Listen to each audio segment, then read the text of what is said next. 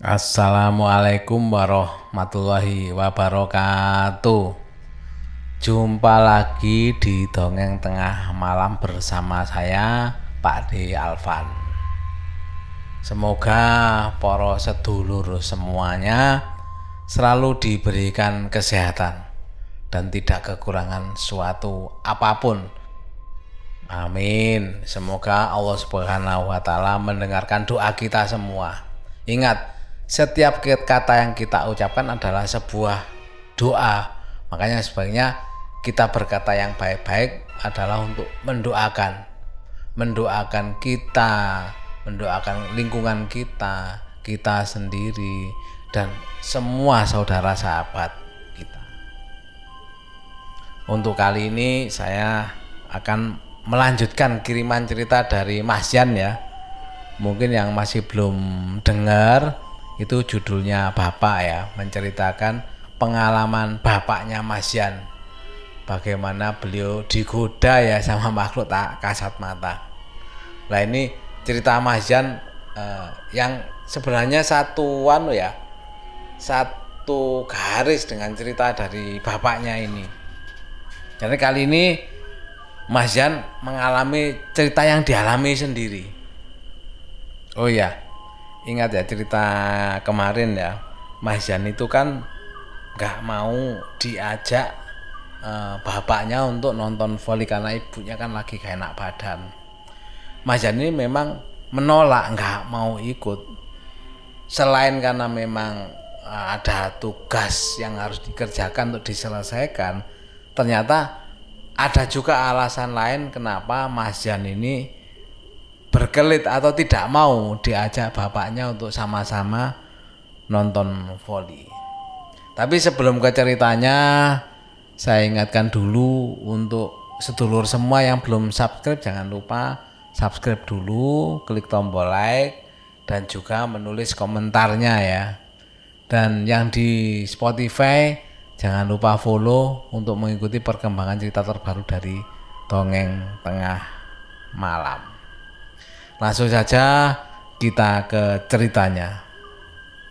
Jadi sebenarnya waktu itu Mas Jan itu suka juga dengan atau melihat turnamen voli ya.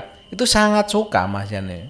Biasanya juga berangkat bersama bapak dan ibunya untuk menonton turnamen voli tersebut. Tapi semenjak saat kejadian itu Mas Jan sudah tidak mau lagi nonton turnamen voli itu.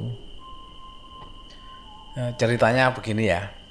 Di turnamen voli itu kan ada penjual yang biasa dagang di sekitar area, area turnamen voli.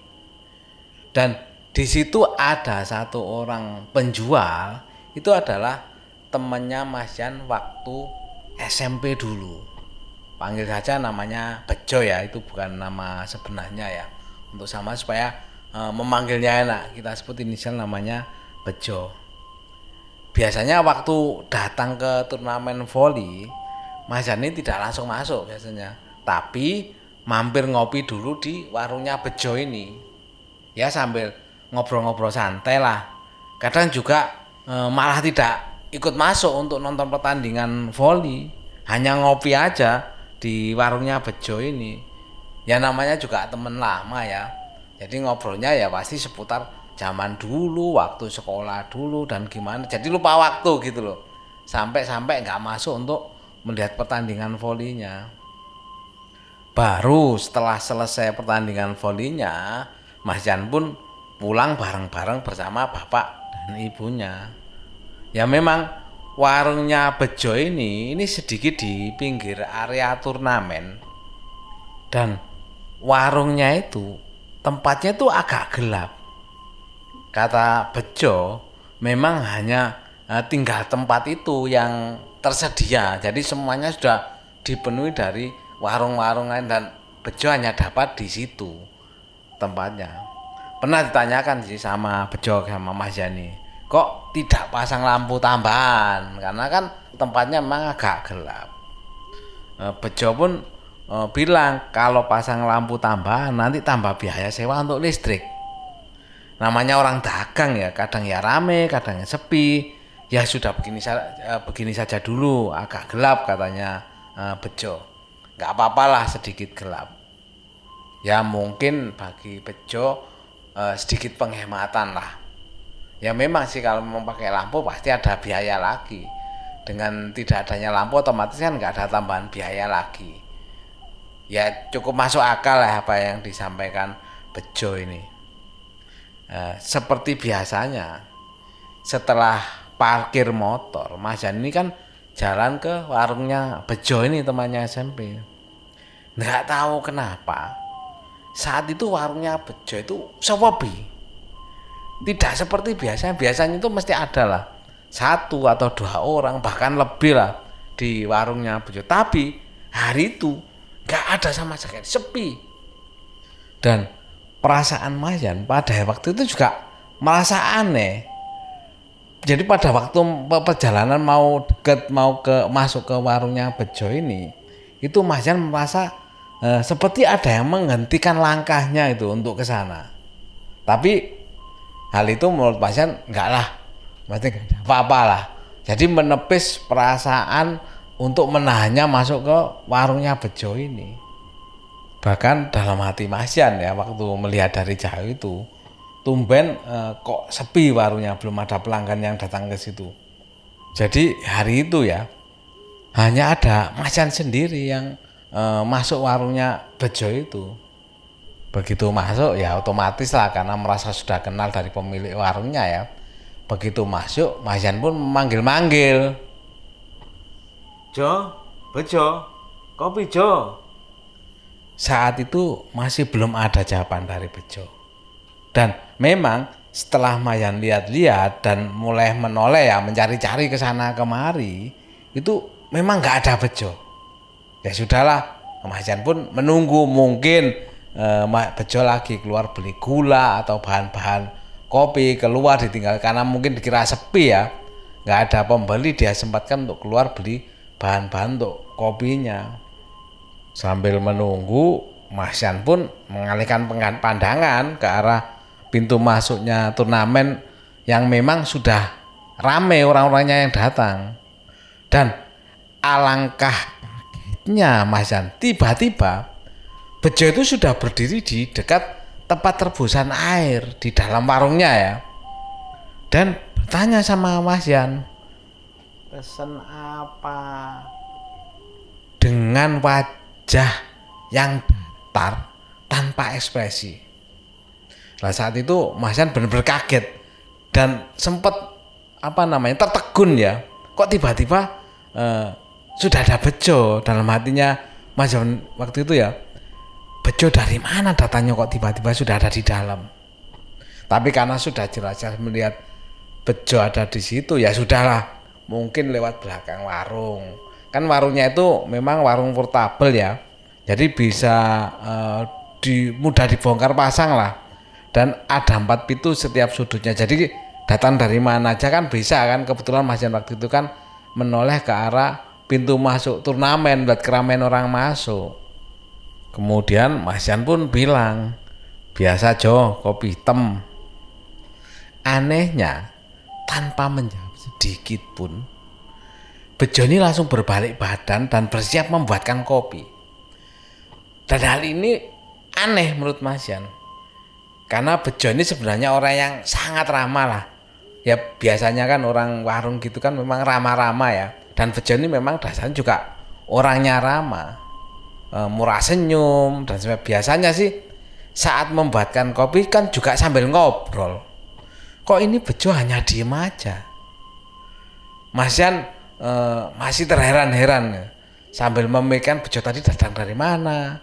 Ini kok diam aja tidak seperti biasanya. Nggak lama kemudian tiba-tiba Bejo menyajikan kopinya dan meletakkannya di depannya Mas Jan ini. Tentu saja saat itu Mas Jan kan akhirnya kan pasti Bejo mendekat. Mas Jan itu bisa melihat dengan jelas wajahnya Bejo dari dekat ya.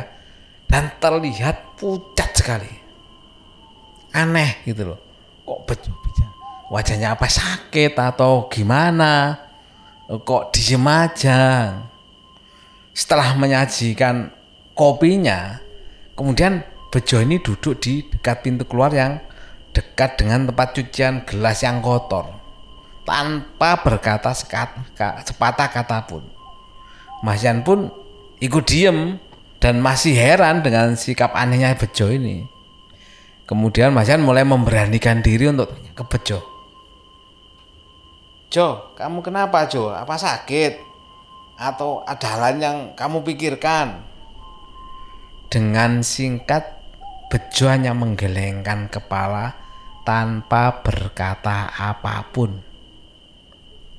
Setelah itu nggak tahu ya, Mas Jan ini malah merasa bulu kuduknya itu mulai merinding semua.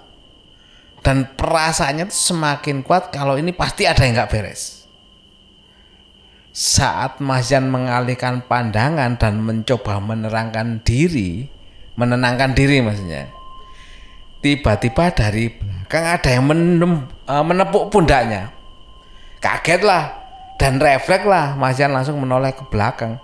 Dan betapa terkejutnya Jan ini. Ternyata yang menepuk pundaknya Mas Jan itu adalah Bejo.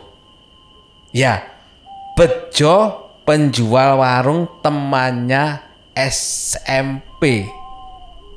Belum habis eh, keheranan Jan ini. Malah seperti eh, nggak ada berat apa kejadian apa-apa ya Bejo ini. Dengan ramahnya dan senyumnya, Bejo ini bilang, sudah lama Yan, maaf ya kalau nunggu. Ini tadi eh, aku beli gula. Kebetulan pas berangkat tadi lupa belum bawa gula. Sekalian mampir ke musola sholat isya. Soalnya tadi aku belum sholat juga. Oh ya tadi aku juga ketemu bapak kamu di depan musola. Waktu aku tanyai bapakmu katanya e, kamu di mana apa nggak ikut? Kata bapak kamu. Kalau kamu ya seperti biasa. Pasti datang dulu ke warungku. Setelah itu ya aku bergegas ke warung. Eh bener. Kamu udah di sini. Saat itu pasien benar-benar terdiam dan tidak bisa berkata apa-apa. Rasanya darah yang ada di dalam badannya Mas Jan ini seperti mengalir begitu deras sampai Bejo menepuk lengan tangannya Mas Jan ini sambil berkata, Loh Yan, kamu ini kenapa diajak ngobrol kok malah ngelamun? Orang sering-sering ngelamun, diinceloki demit loh kowe. Seketika itu Macan berbalik dan bertanya ke Bejo. Jo, bener kamu baru datang ke warung? Aku tadi kan sudah pesen kopi, kopi hitam kan. Dan kamu sudah sajikan ini. Saat Macan bilang sudah sajikan, otomatis tangannya Macan kan menunjuk ke arah kopi yang tadi dihidangkan. Dan Macan lagi-lagi dibuat terkejut karena apa? Ternyata kopinya tidak ada di depannya. Memang waktu itu kopi waktu disajikan itu tidak langsung diminum sama Mas Jan karena kebiasaan Mas Jan ya sejak kecil ya. E, Mas Jan ini nggak suka makan dan minum yang panas-panas apa pun makanan dan minumannya. Kalau disajikan panas pasti ditunggu sampai benar-benar dingin baru diminum atau dimakan saat Mas masih heran kenapa kopinya nggak ada di meja. Bejo pun menjawab, Yan, Yan, kamu ini ada-ada saja. Aku kan baru datang ke sini. Ya, ya mana mungkin aku buatkan kamu kopi. Sudah, kamu jangan ngawur. Jangan nakut-nakuti aku. Dari situ Mas Yan tersadar kalau bener ada hal aneh. Dan siapa sosok tadi yang menyerupai Bejo yang benar-benar dilihat dengan mata kepalanya Mas Yan dia menyajikan kopi di depannya di meja depannya bahkan Mas Yan kan melihat wajahnya Bejo yang pucat dan karena sadar dengan keanehan itu dan bagi Mas Yan sudah cukup ngeri itu Mas Yan pun berusaha menenangkan diri dan mencairkan suasana dengan mengajak ngobrol Bejo agar suasana tidak tegang lagi. Di selah-selah ngobrol dengan Bejo, dalam hatinya Mas Yani nggak henti-hentinya, terus beristighfar ya. karena masih merasa takut ngeri gitu loh karena nggak bisa membohongi Mas Jani. Membohongi dirinya kalau saat itu sebenarnya eh, Mas Jan juga masih takut. Sampai akhirnya pertandingan voli pun selesai. Kemudian bergegaslah Mas Jani pulang dengan bapak dan ibunya. Dan setelah kejadian itu setiap kali bapak dan ibunya mengajak untuk melihat pertandingan voli, Mas Jan gak pernah mau lagi ikut dan selalu mencari-cari alasan untuk supaya nggak nggak ikut gitu Karena memang setiap hal-hal aneh itu seperti ini jarang sekali diceritakan ke orang tuanya atau bapak ibunya ini. Yaitu tadi eh, pengalaman pribadi dari Mas Yan mengenai ketemu dengan makhluk yang menyerupai temennya. Terima kasih Mas Yan atas kiriman ceritanya ya. E, ditunggu lagi kalau ada cerita-cerita yang lainnya. Dan bagi sedulur dongeng tengah malam kalau ingin kalau mau mengirimkan cerita ya pengalaman pribadi atau mungkin dulu pernah diceritai dari orang tuanya, kakeknya, neneknya atau Pak D-nya bisa dikirim cerita uh, melalui email ya, emailnya dongeng tengah malam yaitu dongeng tengah malam at gmail.com nanti akan dibawakan di acara dongeng tengah malam. Sekali lagi terima kasih Mas Jan atas kiriman ceritanya. Semoga sedulur semua dari dongeng tengah malam bisa terhibur dan bisa diambil hikmahnya dari semua cerita-cerita Mas Jan ini. Dan juga saya ucapkan terima kasih kepada semua pendengar Dongeng Tengah Malam telah menyaksikan mendengarkan cerita dari Dongeng Tengah Malam ini. Dan juga saya akhiri wassalamualaikum warahmatullahi wabarakatuh.